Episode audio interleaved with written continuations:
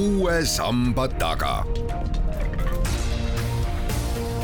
sammaste taha aitab vaadata sajaaastane eestikeelne rahvusülikool tere kuulama saadet, mis räägib teismeliste keelest ja kaasprofessor Virve-Anneli Vihman on täna tulnud ülikoolist mikrofoni ette, et selgitusi jagada, mida nad on uurinud, kuidas nad on uurinud, mis välja tuleb ja arvestades tema päritolu, me saame ka Eesti ja Ameerika vahel vedada paralleele. Jutujuht on Madis Ligi. mis oli teie huvi, kui te uurimisega pihta hakkasite? me oleme märganud, et Eestis on väga erinevates kontekstides, äh, inimesed armastavad arvata midagi noorte keele kohta. et, äh, et noored ei oska eesti keelt korralikult kõnelda või korralikult kasutada, et kirjanditest paistab see välja või tänavas bussis äh, kuulsin, kuidas noored rääkisid ja see ei olnud üldse eesti keel või et nad kasutavad liiga palju inglise keelt, et nad kasutavad liiga palju roppusi ja nii edasi. Ja kolleegidega arutades saime aru, et ähm, tahaksime vastu vaielda,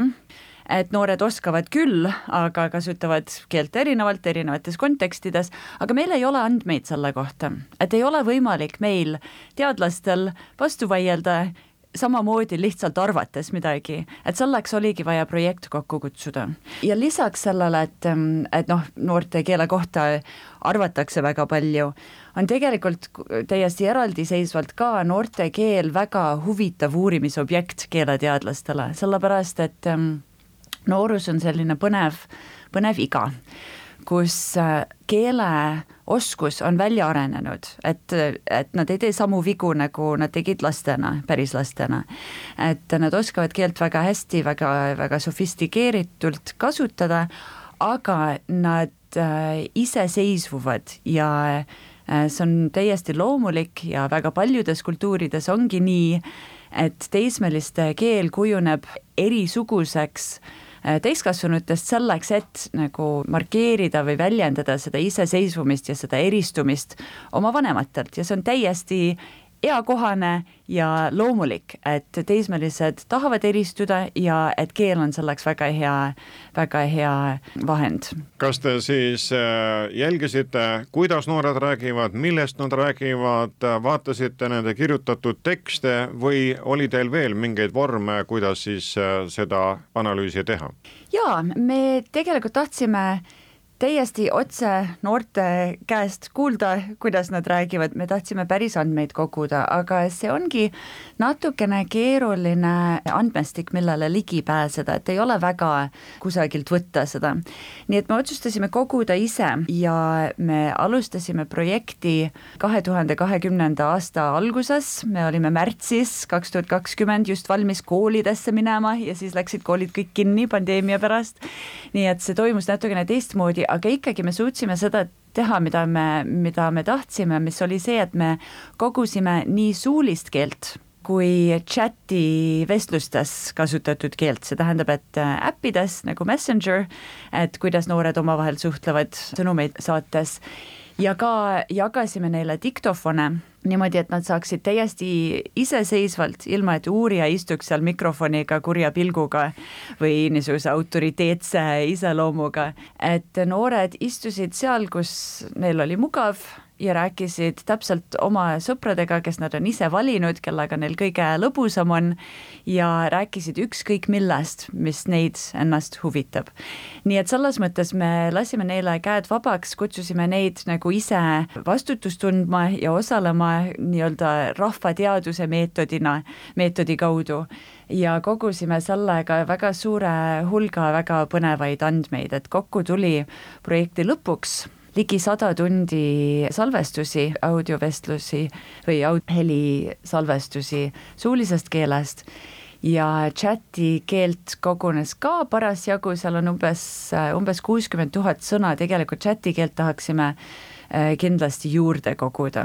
söötsite te ette ka mõne sellise teema, mille suhtes te teadsite, et on selline slängilik sõnakasutus, noh olgu näiteks arvutimaailmas, et kus on väga palju inglise keelest üle võetud, või see oli absoluutselt vaba, täiesti tavaline, näed, elu läks oma soodu ja te saite nüüd selle tagasiside noorte käest? jaa, me jätsimegi täiesti vabaks, me kohtusime, meil olid oma need isikud, kellega meie otse suhtlesime, me nimetasime neid keelesaadikuteks ja nendega tegime koolitusi, rääkisime uurimiseetikast, et kui usaldad niimoodi diktofoni teise kätte ja noore kätte, siis, siis on oluline rääkida sellest, et on nõusolekuid vaja, sõbrad, kes olid kaasatud projekti, nende vanemate nõusolekuid oli vaja ja nii edasi, rääkisime keeleteadusest ja mis, mis meid huvitab, miks me seda teeme ja nii edasi,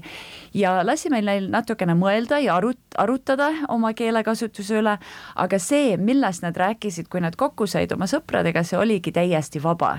ja sellepärast ma arvan, et me võime usaldada natuke rohkem seda andmestikku, et nad rääkisid sellest, mis neid huvitas ja täpselt nii, nagu neile kõige loomulikum tundus, see tähendas, et jaa, loomulikult tuligi jutuks, no pandeemia oli väga, väga aktuaalne teema, aga igasugused kooliteemad, igasugused arvutimängu teemad, igasugused suhete teemad, nii peresisesed kui sõpradega, kui õpetajatega, kui muu maailmaga, kultuur, meelelahutus ja nii edasi. Ja noh, needsamad teemad, mis noori huvitavad, seal ongi see, kus see sõnavara kasvab ja eh, nii-öelda slängi sõnad tulevad kasutusele ja nii edasi, aga me ei tahtnud seda eraldi esile kutsuda. Aga tahtsite te teada saada, kuidas eestikeelsed noored kasutavad keelt või ka muukeelsed, sest Eestis on ju ka teiskeelseid noori päris palju juba? jaa, on küll, praegu me tahtsime esimeses etapis vähemalt eh, tekitada niisugust pilti, et milline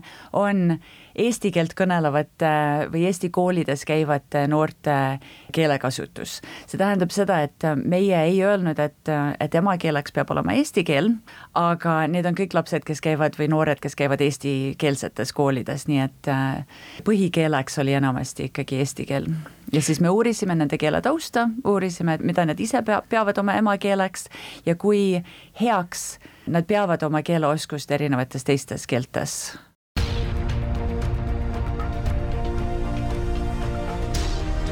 Uue samba taga. sammaste taha aitab vaadata sajaaastane eestikeelne rahvusülikool. Proua kaasprofessor, võtame siis kõigepealt positiivsed järeldused, mis te selle projekti pealt tegite mis kõige rohkem rõõmu tegi noorte keelekasutuse osas? mina ütleksin, et kõige suurem rõõm oli see, kui koostööaltid olid need noored ja kui hästi see projekt sujus, kui palju huvitavat tagasisidet, huvitavaid vestlusi meie saime nendega pidada ja kui avatud nad on, et see oli tõesti noh, lihtsalt väga südantsoojendav meie projekti või uurimistulemustest ma ei tahaks öelda, et miski on positiivne või negatiivne, me tahamegi kirjeldada nende keelekasutust ja me ei ole tegelikult huvitatud hinnangute andmisest. et noored, kes omavahel vestlevad, kui nad kasutavad selliseid sõnu, mida täiskasvanud ei kasuta, kui nad kasutavad palju rohkem inglise keelt, kui täiskasvanud omavahel kasutavad, kui nad räägivad kiiremini või kasutavad chati vestlustest tulnud laenatud äh, lühendeid, kui nad äh, kasutavad roppusi, see on täiesti loomulik. Loomulikult nad kasutavad seda, see ei tähenda seda, et nad ei oska vahet teha, et mis kontekstis näiteks sõpradega suheldes ma kasutan sellist noortepärast äh, mugavat ähm, popi siseringi keelt versus see, kus ma kasutan väga korralikku kirjakeelt, kui ma suhtlen vanematega või õpetajatega või kirjutan äh, koolitöid, eks ole, need on kaks täiesti erinevat konteksti. ja me nägime seda ka, et nad on väga-väga teadlikud registri kasutuse suhtes, et kui nad meiega tegid neid koolitusi, siis nad kasutasidki natukene teistsugust eesti keelt kui siis, kui nad omavahel vestlesid, see on ootuspärane ja see ongi nagu hea keelekasutuse märk ja, ja teiseks, nagu ma ütlesin, me pidasime nendega niisugusi metatasemel vestlusi, et kuidas, mida te ise arvate oma keele kohta ja nad oskasid väga huvitavaid tähelepanekuid teha kuid on võimalik teha järeldusi nii suulise keelekasutuse pealt, rääkimise pealt kui ka kirjaliku pealt. kui neid nüüd võrrelda, millised need järeldused teie jaoks on? Jaa, siin see chati või kiirsuhtlusäppides vahetatud sõnumite keel, mis on natukene teistmoodi kui kirjalik keel, nii nagu me sellest aru saame. ja seda on ka mujal maailmas ähm, kirjeldatud, et mõnes mõttes on see nii-öelda netikeel, mida Tiit Hennuste ja tema uurimisgrupp on nüüd juba varasemast ajast ka uurinud,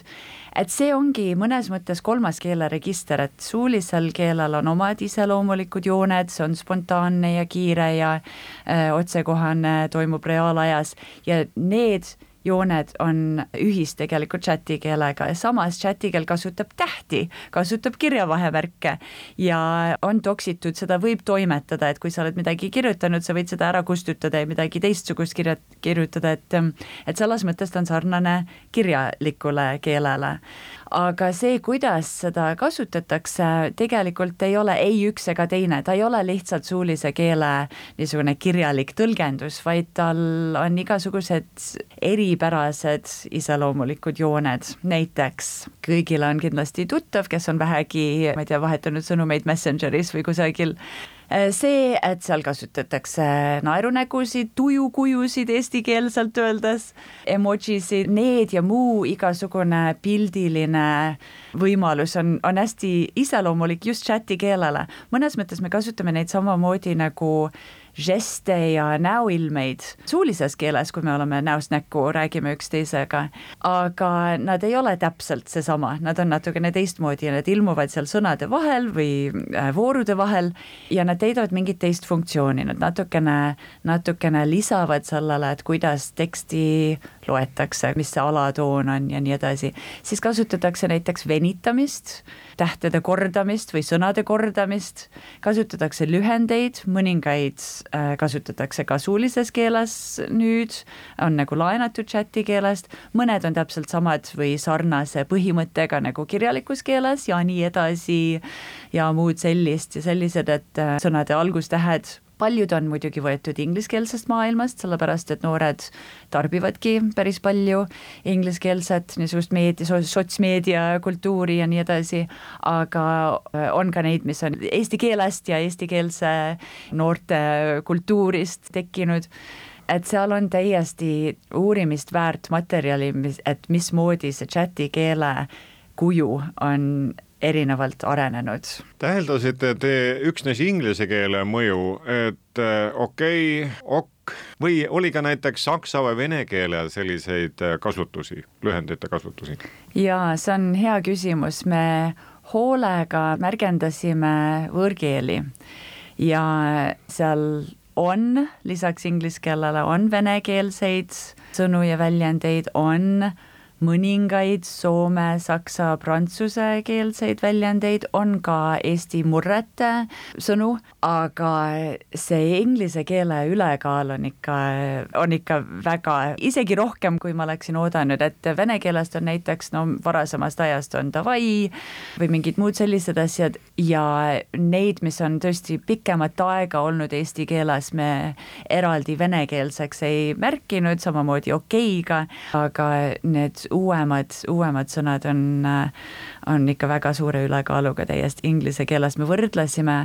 meie praegu kogutud andmestikku ka viimase viieteistkümne aasta jooksul kogutud ähm, täiskasvanute omavaheliste suhtluste ühesõnaga spontaanse keele andmestikku ka, mida foneetikalabor meie instituudis on kogunud. Ja seal on äh, üleüldse oluliselt vähem võõrkeele kasutust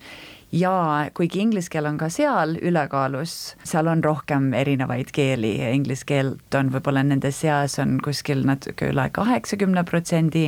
meil on ligi üheksakümmend seitse protsenti, midagi sellist, inglise keelt te, nagu kõikide võõrkeelte kasutuse seas selles eestikeelses vestluses lõpetuseks saame vaadata ka Ameerika kogemustest, te olete seal sündinud, nüüd töötate siin ülikoolis, kas see, mille pärast meie keeleinimesed muretsevad, et teismeliste keelde tuleb sisse võõrkeelseid termineid ja kasutust liiga palju, kas see teema on Ameerikas ka üleval? jaa, see on tore küsimus, sellepärast et äh, ma arvan, et Eestis on keele teema natukene teistsugune kui ingliskeelses maailmas loomulikult Eesti on oluliselt väiksem keel, seda kõnelevad oluliselt vähem inimesi. Ja kui palju seda õpitakse teise keelena näiteks, noh, kõik see tähendab, et, et keele küsimus, keele säilimine ja kõik on, on hoopis, hoopis teise tähtsusega. Ja see võib siis üllatada eestla-, eestlasi või eesti keele kõnelejaid, et Äh, ka ingliskeelses maailmas kurdetakse selle üle, et, äh, et noorem põlvkond ei oska hästi inglise keelt, kasutavad lohakalt, kasutavad liiga palju slängi, ei tunne seda noh, laiemat sõnavara, sõnavara kasutus on ahenenud. et selle kohta kirjutatakse nii Ameerikas kui Inglismaal, ma arvan, Inglismaal võib-olla rohkem kui Ameerikas isegi. ja, ja samamoodi keeleteadlased äh, vaidlevad, et keel ongi muutuv ja dünaamiline ja ongi alati niimoodi olnud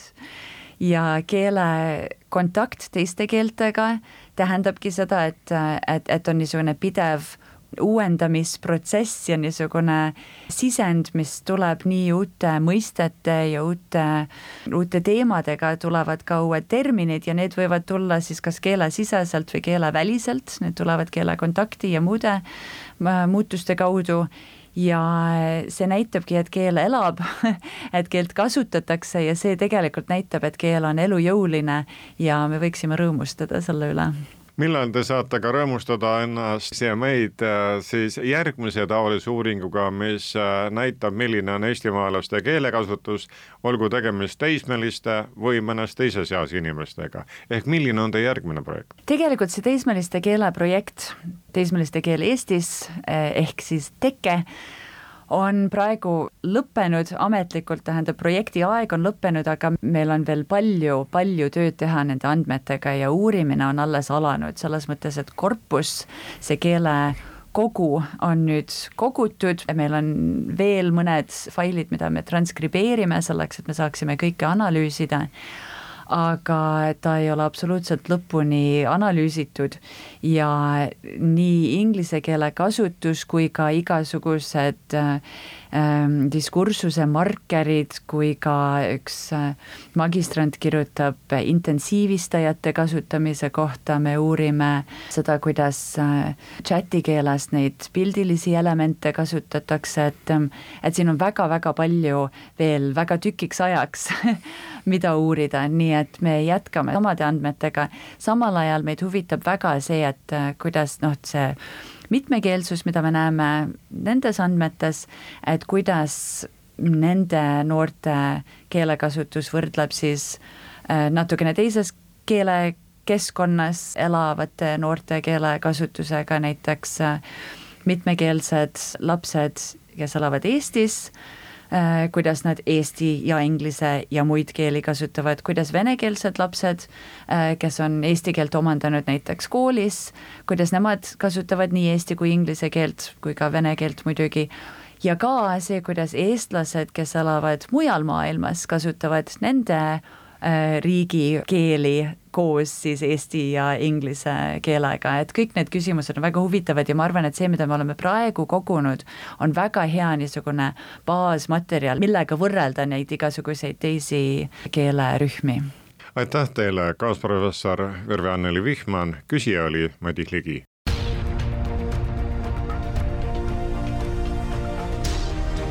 uue samba taga.